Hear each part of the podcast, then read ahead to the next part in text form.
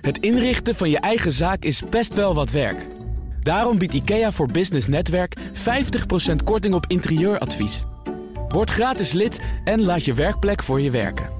IKEA, een wereld aan ideeën. Werkverkenners wordt mede mogelijk gemaakt door NCOI, de opleider van Werken Nederland. Blijf scherp. BNR Nieuwsradio. Werkverkenners. Rens de Jong. In deze BNR Werkverkenners draait het om de verplichte arbeidsongeschiktheidsverzekering voor ZZP'ers. Ja, er kwam meteen heel veel kritiek op het voorstel van de minister. En de vraag is, hoe kan het wel een werkbare regeling worden? Verder hebben we de jongste leermeester tot nu toe. En we bellen over een baan met de gemeente Delft, die wel hele bijzondere dingen in de vacaturetekst heeft gezet. Dat allemaal straks, maar nu eerst het BNR Werkverkenners nieuws. Werkverkenners. Met Nelleke van der Heijden. Dag Nelleke. Dag Rens. De FNV staakt zelf. Ja, we hebben het eerder al een keer besproken dat de lonen bij de vakbond helemaal niet zo net zo hard stijgen als de inflatie. Terwijl dat is de eis van de bond bij andere werkgevers. En nu had het personeel FNV als werkgever tot gisteren gegeven om over de brug te komen, maar dat deed de bond dus niet.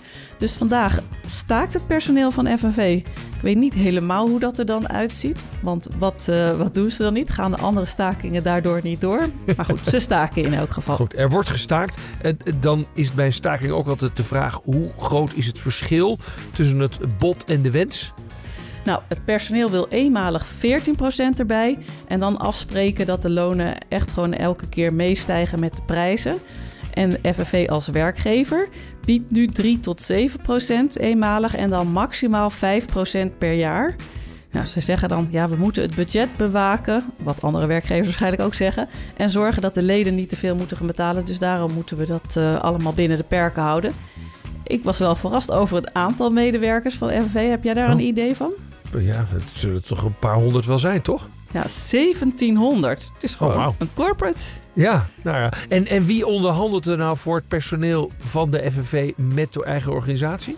Ja, ik zag FNV personeel. Ik ben heel benieuwd hoe dat allemaal gaat. Goed, dan ander vakbondsnieuws. Jawel, een Duitse vakbond.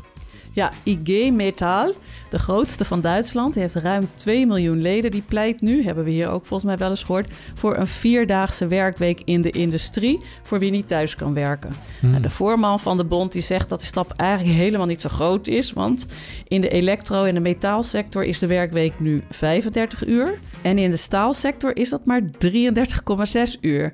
Dus ja, maak je dat naar 32 uur is eigenlijk niet zo'n groot verschil. Terwijl de productiviteit volgens de bond enorm omhoog gaat. En, ook niet onbelangrijk, de arbeidsvreugde. Nou ja, en dit is de grootste bond. Dus zou dan die vierdaagse werkweek er ook echt gaan komen, denk je? Nou, ik weet het niet. Het is nog niet helemaal gelopen race. Want de werkgeversvereniging die ziet dat zonder loonoffer niet zitten. En de politiek die is verdeeld. De SPD is voor en de FDP die is tegen.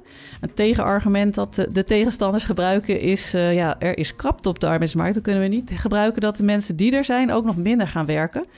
Maar uh, ja, de vakbond werpt tegen dat dat uh, eigenlijk geen probleem is, omdat het dus maar een paar uurtjes gaat en de productiviteit wel omhoog gaat. En, zegt de vakbond, er wordt een heel nieuw arbeidspotentieel aangeboord. Want met een vierdaagse werkweek ben je aantrekkelijker voor vrouwen. Nou, ben benieuwd hoe dat gaat aflopen in Duitsland.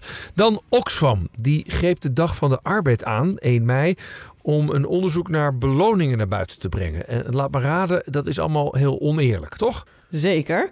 Oxfam vergeleek de inkomens van topbestuurders met die van de gewone werknemers. En dat is inderdaad niet eerlijk verdeeld. Want daaruit blijkt dat mensen met een topfunctie vorig jaar eigenlijk ongeveer geen last hadden van de inflatie. Nou, het is een internationaal onderzoek en de topbestuurders van uh, landen als India, het Verenigd Koninkrijk, de VS en Zuid-Afrika, die hadden het helemaal goed voor elkaar. Die kregen er zo'n 9% bij. Terwijl de gewone werknemers, die zagen hun loon juist of hun inkomsten juist met 3% dalen. Oh ja, en dat heeft Oxfam dan weer vertaald naar gratis werk.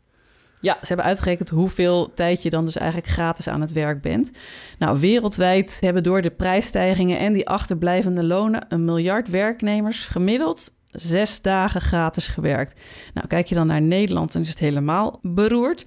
Want de FNV heeft daar nog veel te doen, zullen we maar zeggen. Oxfam kwam voor Nederland uit op dat we hier gemiddeld elf dagen gratis werken. Ja, ja. En zo wordt de kloof dus weer groter, toch? Ja, Ja. Dan nog even slecht nieuws voor mensen die dachten: oh ja, dat stapbudget, daar heb ik eigenlijk wel zin in. Want wanneer dat was het ook alweer? Ja, wanneer ja, te laat, want het potje is leeg, toch? Ja, precies. Gisteren moest je er eh, meteen eh, aan het begin bij zijn. Want binnen drie uur was al het eh, geld weer op. Het ging om 34 miljoen euro. En daar hebben een kleine 40.000 mensen gebruik van kunnen maken. En de rest is gefrustreerd achtergebleven, denk ik. Ja, er zijn dus ongeveer 40.000. Ik zag ook ergens 38.000 staan. Mensen gelukkig gemaakt. En op een gegeven moment stonden er 257.000 apparaten tegelijk in de wacht, zag het UWV. Dus nou ja, misschien dat mensen wel drie, vier apparaten tegelijk eh, in de wacht hadden gezet. Maar het zijn in elk geval aanzienlijk meer dan de 40.000 die gelukkig werden. Ja, het, het is overigens eh, niet alleen maar slecht nieuws, toch? Want er komen nog meer rondes dit jaar, toch? Ja, ja, dit was de tweede ronde van vijf. Dus we hebben nog, eh, nog een paar te gaan. Maar volgend jaar stopt het. Dus het is wel eh, bijna ten einde. Goed zo. Nelke, dankjewel. Jij bedankt, Rens. Rens de Jong. En dan de themavraag voor deze uitzending. Wat zijn de voors en de tegens van een verplichte arbeidsongeschiktheidsverzekering die het kabinet wil voor zelfstandigen? En bij dat laatste, voor zelfstandigen, komt meteen al de eerste kritiek. pak gelijk door en eh, laat het niet alleen maar voor een relatief kleine groep ZZP'ers, maar kom nu met een verzekering voor alle werkers in Nederland. En oh ja, de ZZP'ers zelf mochten vooraf wel wat input leveren voor deze maatregel, puur voor zelfstandigen. Maar op het uur U, als echt de afspraken gemaakt moeten worden en de handtekeningen gezet, dan zitten de zelfstandigen daar niet bij. En een grote groep heeft ook moeite met de inhoud van de afspraken. Dus je betaalt vrij veel voor het krijgen van vrij weinig. En dan is het nog niet helemaal duidelijk wanneer je uitgekeerd gaat krijgen. Vervolgens is de instantie die de regeling moet uitvoeren, het UWV, er helemaal niet klaar voor. Zegt het zelf. In ieder geval 1 januari 2025, dat lijkt voor ons niet haalbaar. Dus daar zit al wel de eerste grote red flag. Maar wordt er dan alleen maar gemopperd? Nou zeker niet, want ook al is de kans klein, als je echt helemaal niet meer kunt werken, is de ellende zonder een verzekering levensgroot. En dan moet je dus in die nare situatie waarin je doodziek bent, want dat ben je dan, dan moet je bijvoorbeeld ook je huis uit, je spaargeld eh, opeten. En daarom is ook de grootste kritiekaster voor. Ja, ik ben voor een verplichting Ja, om iets te regelen. moet wel goed zijn. Maar het moet wel goed zijn. Werkverkenners. Goed, het kabinet heeft de plannen voor een verplichte AOV voor ZZP'ers uitgewerkt. Het was een voortvloeisel uit het pensioenakkoord. En de vraag is dan, hoe zit het nou allemaal in elkaar en wat zijn de eerste reacties? Ik ben Christel van der Ven, voorzitter van Vereniging Zelfstandigen Nederland. En wie vertegenwoordigen jullie? Wij vertegenwoordigen zo'n 120.000 zelfstandige ondernemers zonder personeel, variërend van de nagelstylist tot de ICT-professional. En eh, jullie mogen ook namens de zelfstandigen aanschuiven bij de SER, toch? Klopt. Ja. Hebben jullie ook meegeschreven aan dit plan? Nee, Oh, waarom niet? Dat is uitonderhandeld niet in de SEG, maar in de STAG, de Stichting van de Arbeid. En de Stichting van de Arbeid, daar zitten vooralsnog werkgevers- en werknemersorganisaties. Dat is jammer dan, hè? want het gaat over jullie en je mogen er niet over meepraten.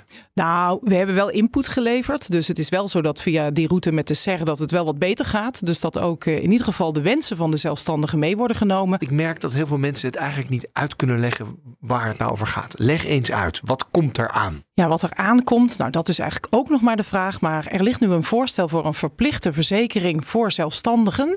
En je moet je verplicht verzekeren voor langdurige arbeidsongeschiktheid. Dus dat gaat niet over de korte ziektes die je ook bijvoorbeeld via broodfondsen of schenkringen kunt afdekken.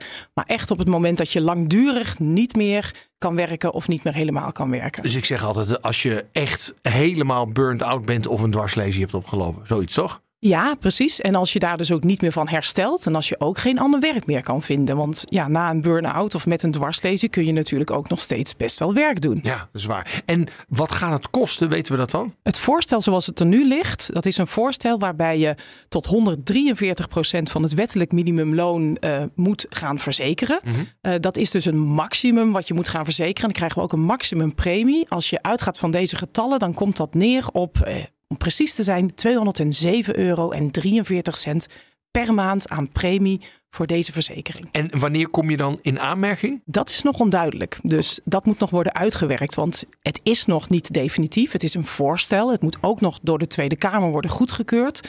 En wat nog moet worden uitgewerkt zijn onder andere ja, de voorwaarden wanneer je echt aanspraak kan maken op die uitkering. Ja, want dat is altijd belangrijk bij arbeidsongeschiktheid. Verzeker je nou tegen je huidige werk of dat je enigszins productief kunt zijn? Het plan is dat laatste. Ja, ja. Dus enigszins productief. Ja. En na hoeveel tijd krijg je dan Het plan zoals het er nu ligt, daarvan zegt de minister: je hebt een jaar wachttijd. Dus je moet een jaar eigenlijk zelf zien te overbruggen. En vanaf dat moment gaat langdurige arbeidsongeschiktheid in. Hoe reageert de achterban? Heel verschillend. Heb je daar uh, smaken in? Kun je die uitleggen? Het zijn eigenlijk grofweg drie, misschien vier smaken. De smaak die ik het meeste hoor, dat zijn zelfstandigen die zeggen: Dit kan ik niet betalen. Dit gaat mij hartstikke veel geld kosten. Ik kan dat niet doorberekenen aan mijn opdrachtgevers. En ja, het betekent dat ik nog minder koopkracht krijg na afbouw van zelfstandige aftrek en, uh, en het afschaffen van de middelingsregeling. Dat zijn dus ondernemers die nu niet zo heel veel ondernemersinkomsten hebben, maar wel degelijk uh, okay. ondernemer. Wat voor types zijn dat dan? Ja, we krijgen heel veel berichten, bijvoorbeeld vanuit de culturele sector, maar ook vanuit de journalistiek, uh, vanuit de tolken en de vertalers. Dus mensen die wel degelijk als zelfstandigen werken, maar ja, daar niet helaas de wereld mee verdienen. Nee. Wat is een andere smaak? De andere smaak is dat mensen zeggen: Oh, maken we nou al die drukte voor eigenlijk een premie van 200 euro? Dat kan ik makkelijk betalen. Dat is overigens ook wel vaak de groep die tegelijkertijd heel hard roept van waar bemoeit de minister zich eigenlijk mee? Dat bepaal ik zelf wel. En dat is dan ook weer een groep die soms ook niet in de gaten heeft dat ja, het is een maximumpremie, maar het is dus ook een maximale uitkering. En waarschijnlijk als je nu de premie heel makkelijk kan betalen, dan is die uitkering voor jou niet voldoende om echt van te kunnen blijven bestaan zoals je dat nu doet. Nog een andere smaak? Ja, de derde smaak, dat is de groep die wat positiever reageert. Dat zijn bijvoorbeeld zelfstandigen die nu chronisch ziek zijn. Of het zijn zelfstandigen in zware beroepen en ook al van een iets hogere leeftijd. Die merken nu dat ze in de private markt vaak helemaal niet geaccepteerd worden. En als ze geaccepteerd worden, dan moeten ze echt torenhoge premies betalen. Echt van 5, 6, 700 euro. En heel vaak uh, kunnen ze zich ook maar verzekeren tot hun 60ste jaar. Mm. En die zeggen, nou, met deze verzekering dan is er een acceptatieplicht. Dan moet ik in ieder geval verzekerd worden voor een lager bedrag wat ik nu uh, betaal. En dan is het in ieder geval ook tot mijn AOW-leeftijd. Wat zijn de belangrijkste open eindjes? Nou, één heel belangrijk open eind is natuurlijk wanneer kun je daadwerkelijk aanspraak maken hè, op die mm. verzekering. Dus waar betaal je nou voor? Wat krijg je dan? Dat is heel belangrijk. Hoe arbeidsongeschikt moet je zijn? Ja, precies. Hoe bepalen we nou dat je arbeidsongeschikt bent? En uh, uh, wat moet je eigenlijk uh, nog kunnen? Wil je de uitkering niet krijgen? Want ja. daar gaat het natuurlijk om. Dus dat is heel belangrijk. Wat wij ook heel belangrijk vinden is dat de opt-out mogelijkheid blijft bestaan. Dus dat als je zelf kan aantonen, hey, ik heb mij op een andere manier verzekerd, dat je dan niet mee hoeft te doen. Wij vinden de wachttijd van één jaar eigenlijk hartstikke kort. Wij mm-hmm. zeggen, maak nou die wachttijd twee jaar. De meeste zelfstandigen hebben voor die kortdurende ziekte via broodfondsen en schenkringen best al wel iets geregeld. Of kunnen dat juist die twee jaar met hun eigen buffers wel oplossen. Dus dat vind ik ook nog echt een open eind. En niet onbelangrijk, wij maken ons echt hele grote zorgen over het feit dat het UWV deze publieke verzekering zou moeten gaan uitvoeren. Mm-hmm. Omdat die nu al heel hard roepen dat zij eigenlijk de arbeidsongeschiktheid voor werknemers al helemaal niet aankunnen. Ze zijn net in het nieuws gekomen met dat ze vijf jaar achterstand hebben met de keuringen van zieke werknemers. En dan krijgen ze er straks 1,2 miljoen zelfstandigen bij. En die zelfstandigen, ja, hoe gaat de reïntegratie van een zelfstandig ondernemer eruit zien? Dat is toch ook weer net wat anders dan mensen reïntegreren in een huidige baan. Ja, Ik ja. voorzie ellende. En is de expert ook enthousiast over het voorstel? Mijn naam is Ruben Houweling. Ik ben hoogleraar aan de Erasmus School of Law en kroonlid van de SER. Die verplichte AOV voor zelfstandigen. Is dat nou wel of geen goed idee? Ja en nee. Oh, vertel. Wat, wat denk ik ontzettend goed is aan een uh, verplichte AOV is de richting die daarmee wordt gekozen. Namelijk dat een risico als arbeidsongeschiktheid je eigenlijk niet moet overlaten aan het individu, maar dat je daar een collectieve verzekering voor moet afsluiten. Dus in die zin ben ik, uh, zeg ik volmondig ja. En vind ik dat ook een uh, mooi onderdeel van het SER-MLT-akkoord. Maar ja, dan de nee. En dat is dat ik het jammer vind, laat ik het zo uh, formuleren, dat het beperkt blijft tot ZZP'ers en waarom niet wordt gekozen voor eigenlijk een generieke verzekering voor alle werkers. En waarom vind je dat jammer? Omdat je daarmee eigenlijk nog een veel grotere stap zou kunnen maken. Want nu eh, ga je eigenlijk voor een kleinere groep. Hè, we hebben 1,2 miljoen ZZP'ers. En als we dan eh, de brief goed begrijpen, dan geldt die AOV-verplichting, die arbeidsongeschiktheidsverzekeringverplichting, alleen voor de zogenoemde IB-ZZP'er. Wat is dat? Dat is de ZZP'er die niet vanuit een BV, vanuit een rechtspersoon werkt. Dus die gewoon een inschrijving in de Kamer van Koophandel heeft. Dus dan, nou, dan valt er al een deel van die 1,2 miljoen ZZP'ers valt af. Dus je houdt een relatief kleine groep over als je realiseert dat we alles bij elkaar ongeveer 10 miljoen werkers op de arbeidsmarkt hebben. Dus je gaat voor een wat kleinere groep, ga je dan een verplichte verzekering in het leven roepen. En de wetten van de verzekering zijn uh, hoe kleiner de groep met, met, met, met diversere risico's, dat maakt het heel moeilijk verzekerbaar. Dus krijg je waarschijnlijk uh, relatief hoge premies tegen wat, wat, wat minder gunstige uitkeringsvoorwaarden. En zou jouw advies dan zijn, doe het voor alle werkenden? Absoluut, absoluut. Maar dat lijkt volgens mij niet heel uh, haalbaar te zijn, toch? Als ik het een beetje hoor in Den Haag. Ja, dat, dat weet ik niet. Of dat, of, of dat het niet heel erg haalbaar is. Kijk, dit komt echt vanuit de gedachte van... we zien nu een groep arbeiders op de, op de arbeidsmarkt, ZZP'ers... die gebruik maken van fiscale voordelen. En zoals een mens in elkaar zit, altijd denkt van... Ja, iedereen overkomt een ongeval, ja. behalve ikzelf. Dus ik hoef me niet te verzekeren. En als ze zich oriënteren op die uh, private verzekeringsmarkt... dan schrikken ze vaak. Zeggen ze, ja, het zijn hele hoge premies. Tegen mm -hmm. toch ja, uiteindelijk wat krijgen voor terug. Dus ja, dan kan, ik, dan kan ik beter maar dat geld gewoon in een oude sok stoppen. En als het dan een keer voorkomt, dan heb ik gelukkig die oude sok met wat middelen. Om die periode van arbeidsongeschiktheid te, te overzien. Ja, maar wat ik hoor is dat een totale verzekering voor alle werkenden. dat schijnen de bonden niet te willen. Dat schijnen de uh, verzekeraars ook niet te willen. Het lijkt me nog een grotere stelselwijziging. Dus misschien moeten we maar gewoon blij zijn met wat er nu ingezet wordt. Nou ja, kijk, je kan zeggen het is mooi dat je, dat je ergens begint. Maar ik ben ook niet zo overtuigd dat dit een hele slechte gedachte is om het breed te trekken. Waarom hm. niet? Dan komen we weer terug bij de wetten van, van een verzekering. Hoe groter de groep, hè, dus als je van, van zeg maar 800.000 ZZP'ers zo meteen naar, naar, naar 10 miljoen eh, ingezetenen in Nederland eh, daartegen zegt, ja, u, u moet ook een verzekering hebben tegen arbeidsongeschiktheid dan zal vanwege de massa, de, de grote groep die meebetaalt, zal ertoe leiden dat de risico's eigenlijk nog meer verdeeld worden, nog meer gespreid worden, waardoor de premies betaalbaarder zullen zijn en ook de uitkeringsvoorwaarden gunstiger. En als laatste, en dat lijkt me niet onbelangrijk, is ook de uitvoering daarmee een stuk makkelijker. Want je moet je voorstellen, zometeen uh, gaan we onderscheid maken tussen mensen uh, die, die werkzaam zijn op basis van een arbeidsovereenkomst en er iets gebeurt, moet de werkgever loon betalen. Gaat het UWV kijken of dat de reïntegratie allemaal is goed slopen, enzovoort en zo verder. En zometeen ook een groep ZZP'ers. En dan moet het UWV gaan beoordelen of dat ze onder de regeling vallen die dan wordt voorgesteld. Of dat ze niet een, uh, toevallig een, net een rechtspersoon hadden opgericht. En als ze onder de regeling vallen, of ze niet een, een, een, eigen regeling hebben die min of meer gelijkwaardig is. Dus we gaan weer heel veel varianten in de uitvoering, als we nu oppassen, organiseren. Wat het voor de uitvoering, in dit geval dan UWV, ook best wel weer complex maakt. Heb jij het idee dat veel mensen weten hoe het eruit gaat zien, waar we het eigenlijk over hebben? Nou, mijn indruk als ik zo kijk, de, sinds de, dat de brief is verschenen van de minister, begin april, is er best wel wat reuring, vooral rondom dit, dit onderwerp.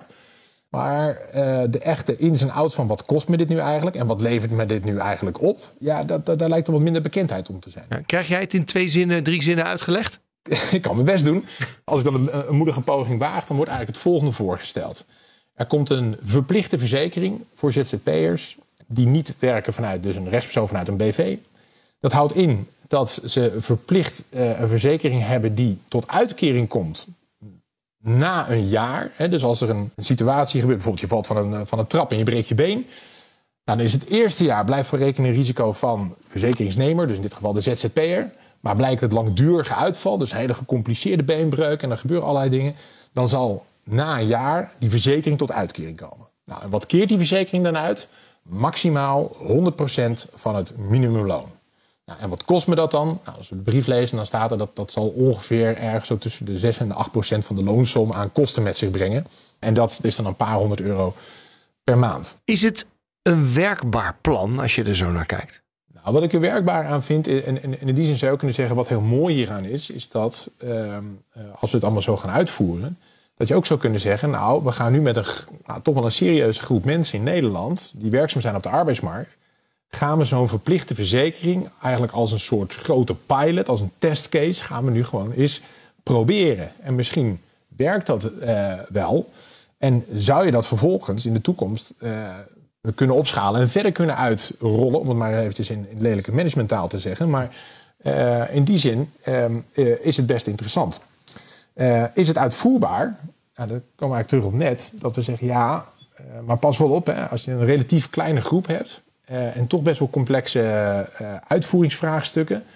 Uh, dan kan het ook best nog wel eens ingewikkeld worden om deze regeling goed uh, van de grond te krijgen en ook uitvoerbaar te laten zijn. En net als voor de eerste gast geldt ook voor deze gast dat de regeling wel voor haar, maar niet met haar is uitgewerkt. Ik ben Roos Wouters. Ik ben oprichter van de werkvereniging, een vakbond voor modern werkenden. Dat zijn de mensen die niet 40 jaar in loondienst werken.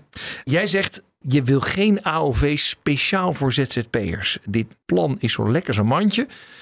Nou, wat is er allemaal mis? Nou, op dit moment, uh, zoals de plannen nu gemaakt zijn, zeggen ze de premie betaal je 200 euro per maand. Om uh, daarvoor een uitkering te krijgen, mocht je ziek worden, van nog geen 2000 euro per maand. Oké. Okay. Dus we weten wel de hoogte van de premie. We weten ook wat het maximaal bedrag is wat je uitgekeerd krijgt. We weten alleen niet hoe ziek je bent. Of je straks misschien wel kan werken als je spijkers kan sorteren terwijl je eigenlijk een spreker bent dat soort dingen staat er niet zoveel bij in. Waardoor het heel erg veel nog steeds lijkt op de was.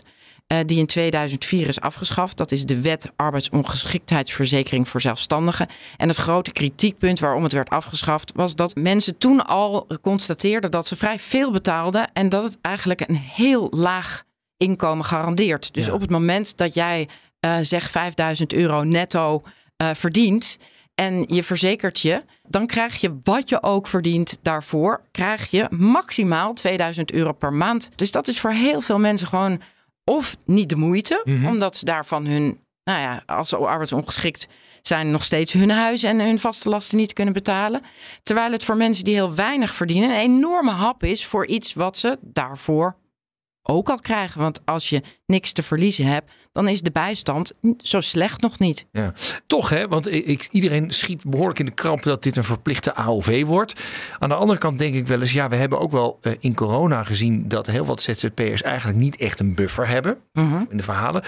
Dus het feit dat wij proberen mensen te dwingen om te zeggen: verzeker jezelf nou tegen hele lange arbeidsongeschiktheid. Een kleine kans, maar ja, als het gebeurt, is het, uh, het je leven wel omver snap ik eigenlijk wel. Wij zijn er ook absoluut een voorstander van dat je mensen uh, stimuleert, al dan niet dwingt, om zichzelf te verzekeren tegen bepaalde risico's. Mm-hmm. Maar dan is het wel zo solidair dat je dat met z'n allen doet. Ja. Uh, want in je eentje krijg je dat gewoon niet verzekerd.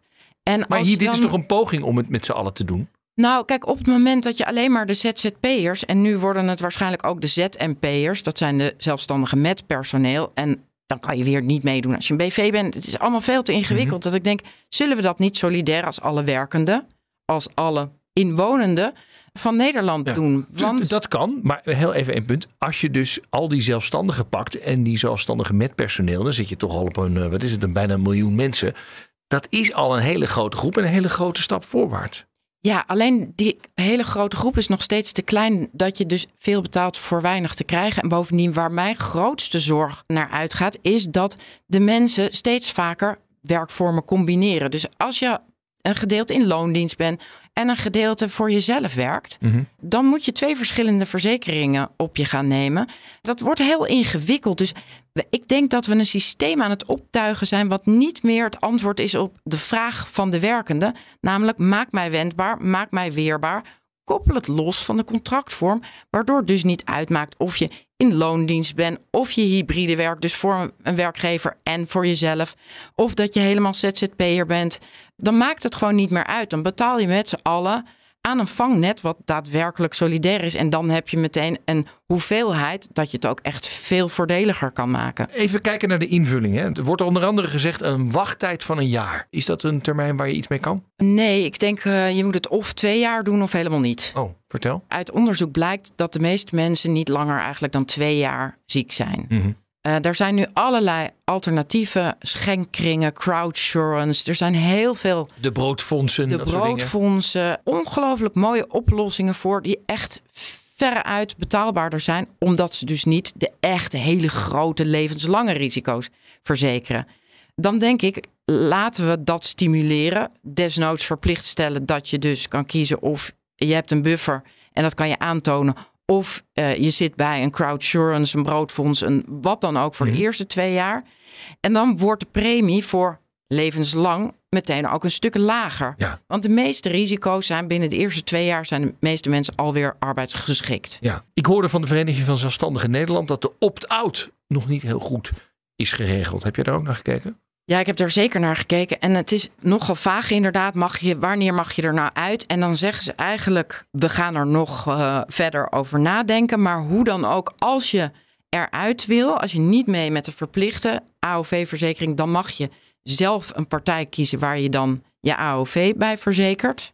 Mits die ongeveer uh, evenveel premie uh, vraagt. En dan wordt er ook nog gevraagd om een stabiliteitsbijdrage voor het collectief. Ja. Dus als jij denkt, ik kan het voor mezelf beter, want ik wil me voor een hoger salaris verzekeren, dat mag. Maar dan moet je daar nog eigenlijk een boete over betalen dat je niet meedoet met het publiek. Uh, ja. dat, ligt dat andere punt van zorg is bijvoorbeeld het UWV. Want die moeten dit uh, dan gaan uitvoeren. Die kampen al met wat achterstanden. Hoe denk je daarover? Dat is ook een van de redenen waarom ik denk dat er veel weerstand onder zelfstandigen is. Want het is nu al zo slecht geregeld voor de werkende in loondienst. Op het moment dat je je arbeidsongeschikt meldt, dan uh, nu is het UWV loopt al, heeft een achterstand van 58% in hun medische keuringen.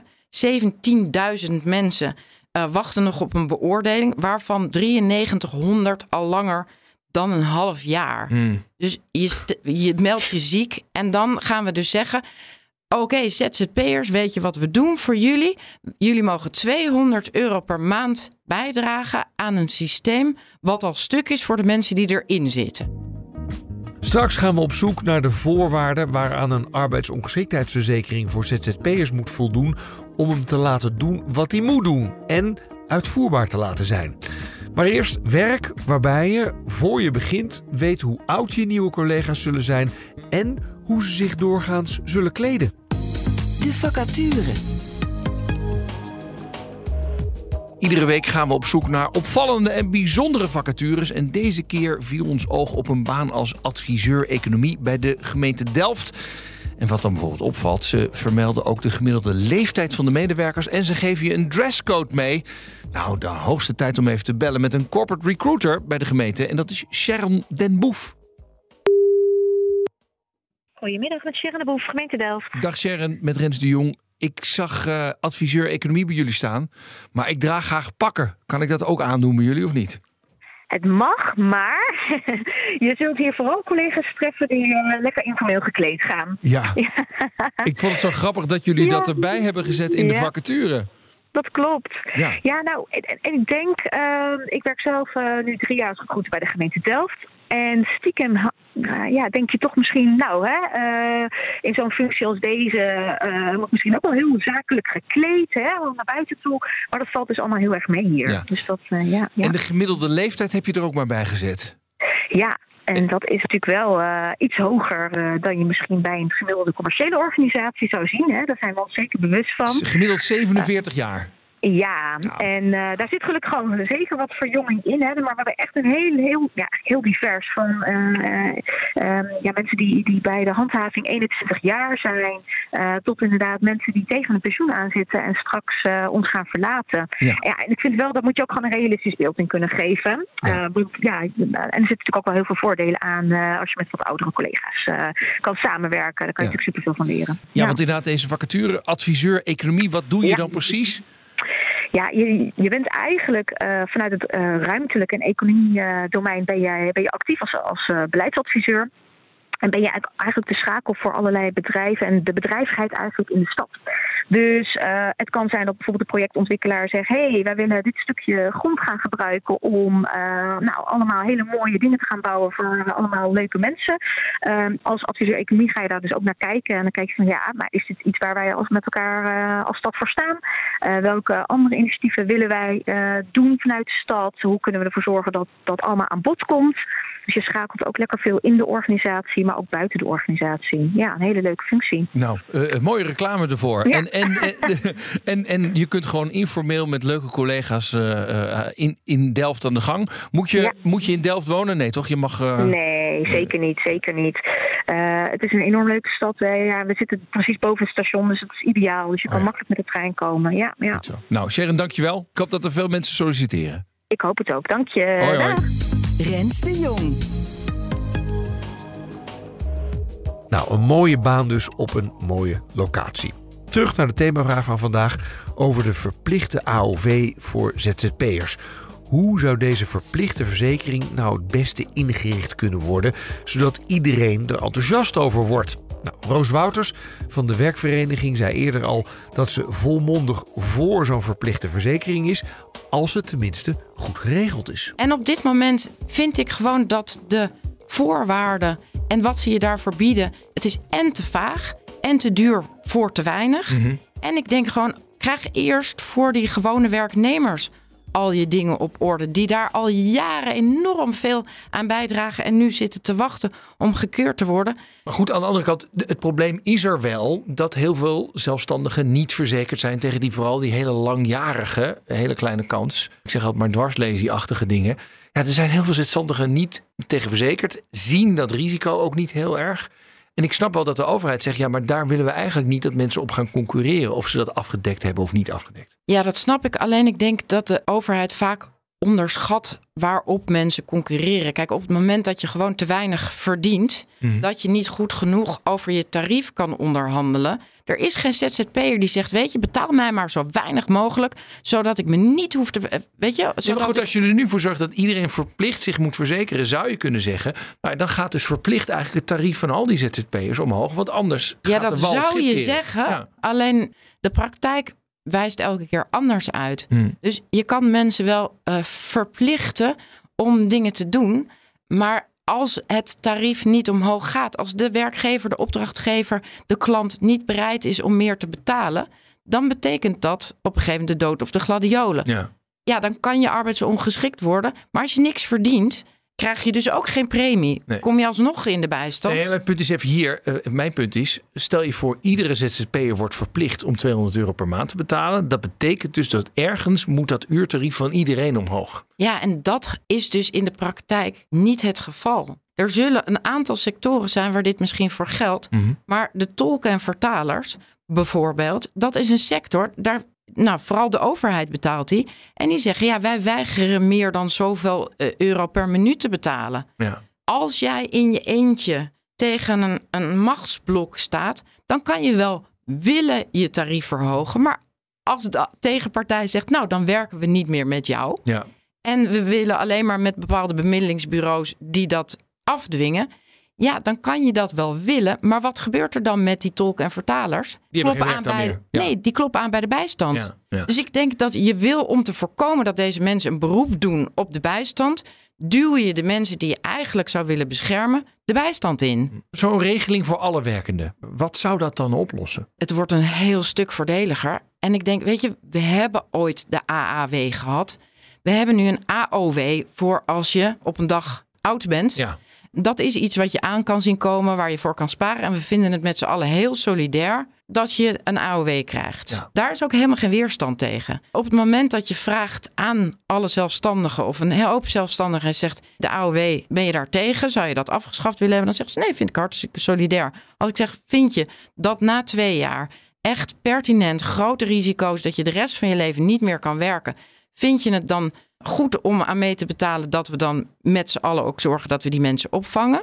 Mhm. Dan zeggen ze ja, ben ik helemaal voor. En zelfs Hans Borslap van de commissie Borslap, die toen ambtenaar was, hoogambtenaar, die zei ja, we moeten de AAW, de Algemene Arbeidsongeschiktheidswet, afschaffen, omdat er het een zuigende aantrekkingskracht had toen, mhm. dat iedereen werd maar gewoon afgekeurd. ja. ja, dan denk ik, ja, moet je daar een oplossing voor bieden? Maar uiteindelijk heeft hij daar spijt van. Want hij zegt, dat was een fantastische regeling. Waarom gaan we daar niet naar terug en kijken we beter hoe we kunnen zorgen dat niet iedereen, om van zijn mensen af te komen, ze pertinent Laat duurzaam afkeuren. laat afkeuren. Christel van de Ven van de Vereniging Zelfstandigen Nederland heeft twee belangrijke voorwaarden voordat ze achter die verplichte AOV voor zelfstandigen kan gaan staan. Te beginnen met de termijn waarna wordt uitgekeerd. Die moet van één naar twee jaar. Om verschillende redenen. Ehm, na twee jaar zijn veel meer zieke ondernemers beter dan na één jaar. En dat betekent dat de premie voor die verplichte verzekering veel lager kan zijn. Dat is één. Twee is wat we zien in de afgelopen jaren, waarin er eigenlijk niks was geregeld. Eh, zijn er hele mooie initiatieven opgestart. De broodfondsen, de schenkringen. Dat zijn eigenlijk initiatieven voor en door ZZP'ers zelf ontwikkeld. Daar zijn eh, veel zelfstandigen ook zeer over te spreken. En met dat soort initiatieven kun je nu al de eerste twee jaar van ziekte keurig afdekken. Dus er is in de markt al genoeg voorhanden. En wij vinden ook dat, nou ja, wij hebben het altijd over de echte zelfstandige ondernemers. Ja, die eerste twee jaar risico dat je geen inkomsten hebt uit je ondernemerschap. Wij vinden het eigenlijk gewoon passen bij dat ondernemerschap om voor jezelf na te gaan hoe je dat kunt afdekken. Dus dat zijn de argumenten waarom wij zeggen: zet hem nou op twee jaar. Ja, in plaats van op één jaar. En de opt-out is ook niet heel helder opgenomen. Nee, die passage in de brief die is, vind ik, nogal vaag. Dus de minister zegt dat ze gaat onderzoeken of het mogelijk is om die opt-out regeling overeind te krijgen en te houden. Nou, daar krijg ik wel echt een beetje buikpijn van. Daar lees ik wel een beetje tussen de regels door van het zou zomaar kunnen zijn dat die van tafel gaat. En wij vinden absoluut dat de opt-out regeling moet blijven bestaan. Waarom eigenlijk? Nou moet je nagaan. Stel je bent een zelfstandig ondernemer en je verdient veel meer dan die 143% van het wettelijk minimumloon. Ja. Dan krijg je straks een verplichte verzekering waarbij je dus maar een heel klein deel van je inkomen verzekerd hebt. Wat ga je dan doen op het moment dat je ziek bent? Dan ga je waarschijnlijk alsnog je huis uit moeten, omdat je niet meer kan leven van die uitkering uit verplichte verzekering. Dus dan moet je je gaan bijverzekeren. Ja. En dan krijg je twee systemen. Dan krijg je dat je gekeurd moet worden voor die verplichte verzekering om te kijken of je die daar krijgt. En dan moet je bij je private verzekeraar moet je alsnog ook nog eens een keer gekeurd worden voor het surplus. Nou, dat is hartstikke ingewikkeld. Dus je zou kunnen zeggen, leg dat nou lekker in één hand. Alle mensen die voor zichzelf al iets hebben geregeld, die hoeven niet mee te doen met die verplichte verzekering. Ik zou, moet ik eerlijk zeggen, eh, want ik heb dus zo'n dure verzekering. Ik denk bij mezelf, nou ja, dat is een best dure verzekering. Als ik nou het eerste gedeelte van dit risico alvast even afdek via eh, de staat, zeg maar. Dat moet goedkoper zijn, want iedereen draagt dat, denk ik dan, hoop ik. En dan doe ik dat ding, laat ik het anders zeggen. Dat je twee systemen hebt, dat gebeurt wel vaker. Kijk maar bij de pensioenen. Dan heb je zelfs drie systemen. De AOW, heb ik mijn pensioenfonds en heb ik ook nog eens een keertje de derde pijler. Dus ja, we werken wel vaker met, met twee of drie systemen. Ja, dat is ook zo. Maar word jij ook niet gek van al die verschillende briefjes die je krijgt van al die verschillende pensioenfondsen waar je ooit in hebt gezeten? Dus als we het nu opnieuw ontwerpen, dan denk ik, la, hou het lekker in één hand. Overigens de veronderstelling dat het dan allemaal goedkoper wordt. Die is volgens mij een beetje op eh, wishful thinking gebaseerd. Ik weet nog niet of dat daadwerkelijk zo gaat zijn. En wat wij wel merken en ook wel terug horen, er zijn nu ook allerlei modernere initiatieven in de markt om ook je bijvoorbeeld via een soort broadfonds of een crowdsurance eh, verzekering tot je AOW-leeftijd te kunnen verzekeren.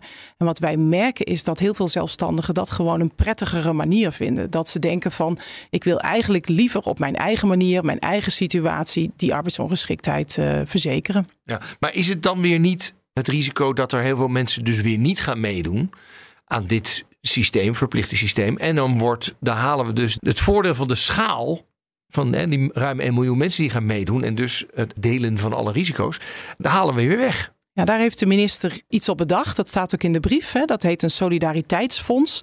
Dus wat er ook nog moet worden uitgewerkt is dat op het moment dat eigenlijk de goede risico's niet meer in de verplichte verzekering zitten, dan moeten de private verzekeraars ook weer gaan bijdragen via een fonds aan die verplichte verzekering. Want anders zou je inderdaad iets krijgen ja, waarbij eigenlijk de mensen die ziek, zwak, misselijk nu al zijn, publiek verzekerd zijn hè, via die verplichting. En eigenlijk alle mensen die het voor zichzelf goedkoper of anders kunnen regelen, die zouden dan als het ware richting die private verzekeringsopties gaan. Dus daar wil de minister ook naar kijken.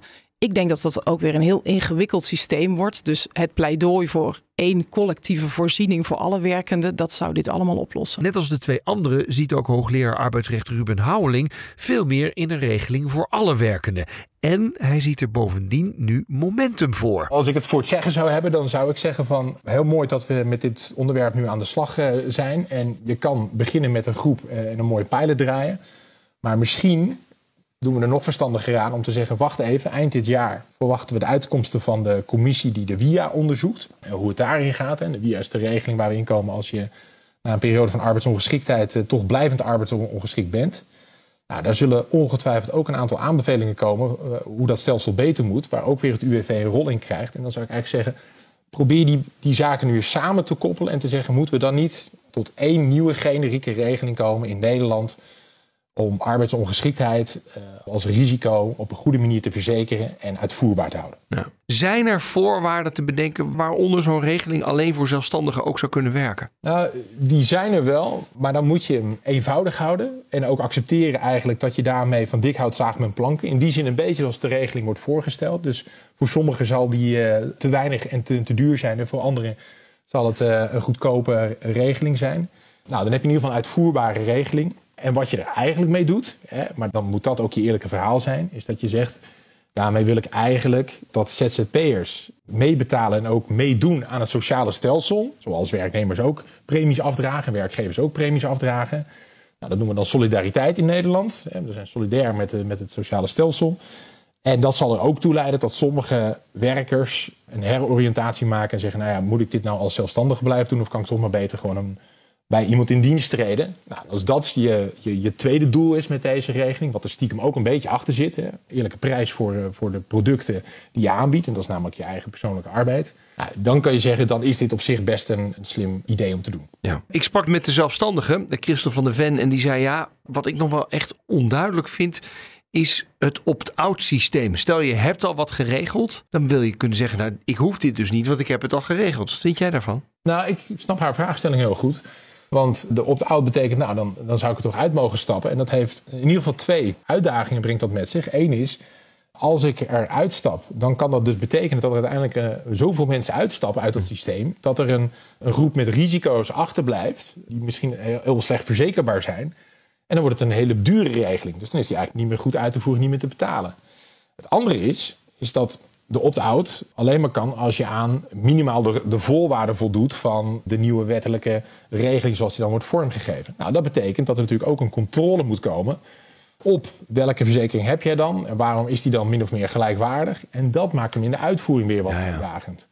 Dus eigenlijk hoor ik jou zeggen, nou, ik weet niet of we zo'n opt-out regeling echt moeten optuigen. Kijk, voor de uitvoering geldt als regel, houd het zo simpel mogelijk. Hè? Dus dan moet je gewoon eigenlijk zeggen, nee, uh, geen opt-out. Maar als je al een uh, extra verzekering hebt, nou, er zijn ook mensen die natuurlijk een eigen pensioen naast hun AOW-pensioen hebben. Hè? Dat hebben we bijna allemaal. Dat wordt ook alleen maar aangemoedigd. Dus prima als je jezelf extra verzekert. Maar ja, zodra we gaan opt-outen, om het maar in goed Nederlands te zeggen, ja, dan krijg je wel in de uitvoering wel wat uitdagingen op je bord.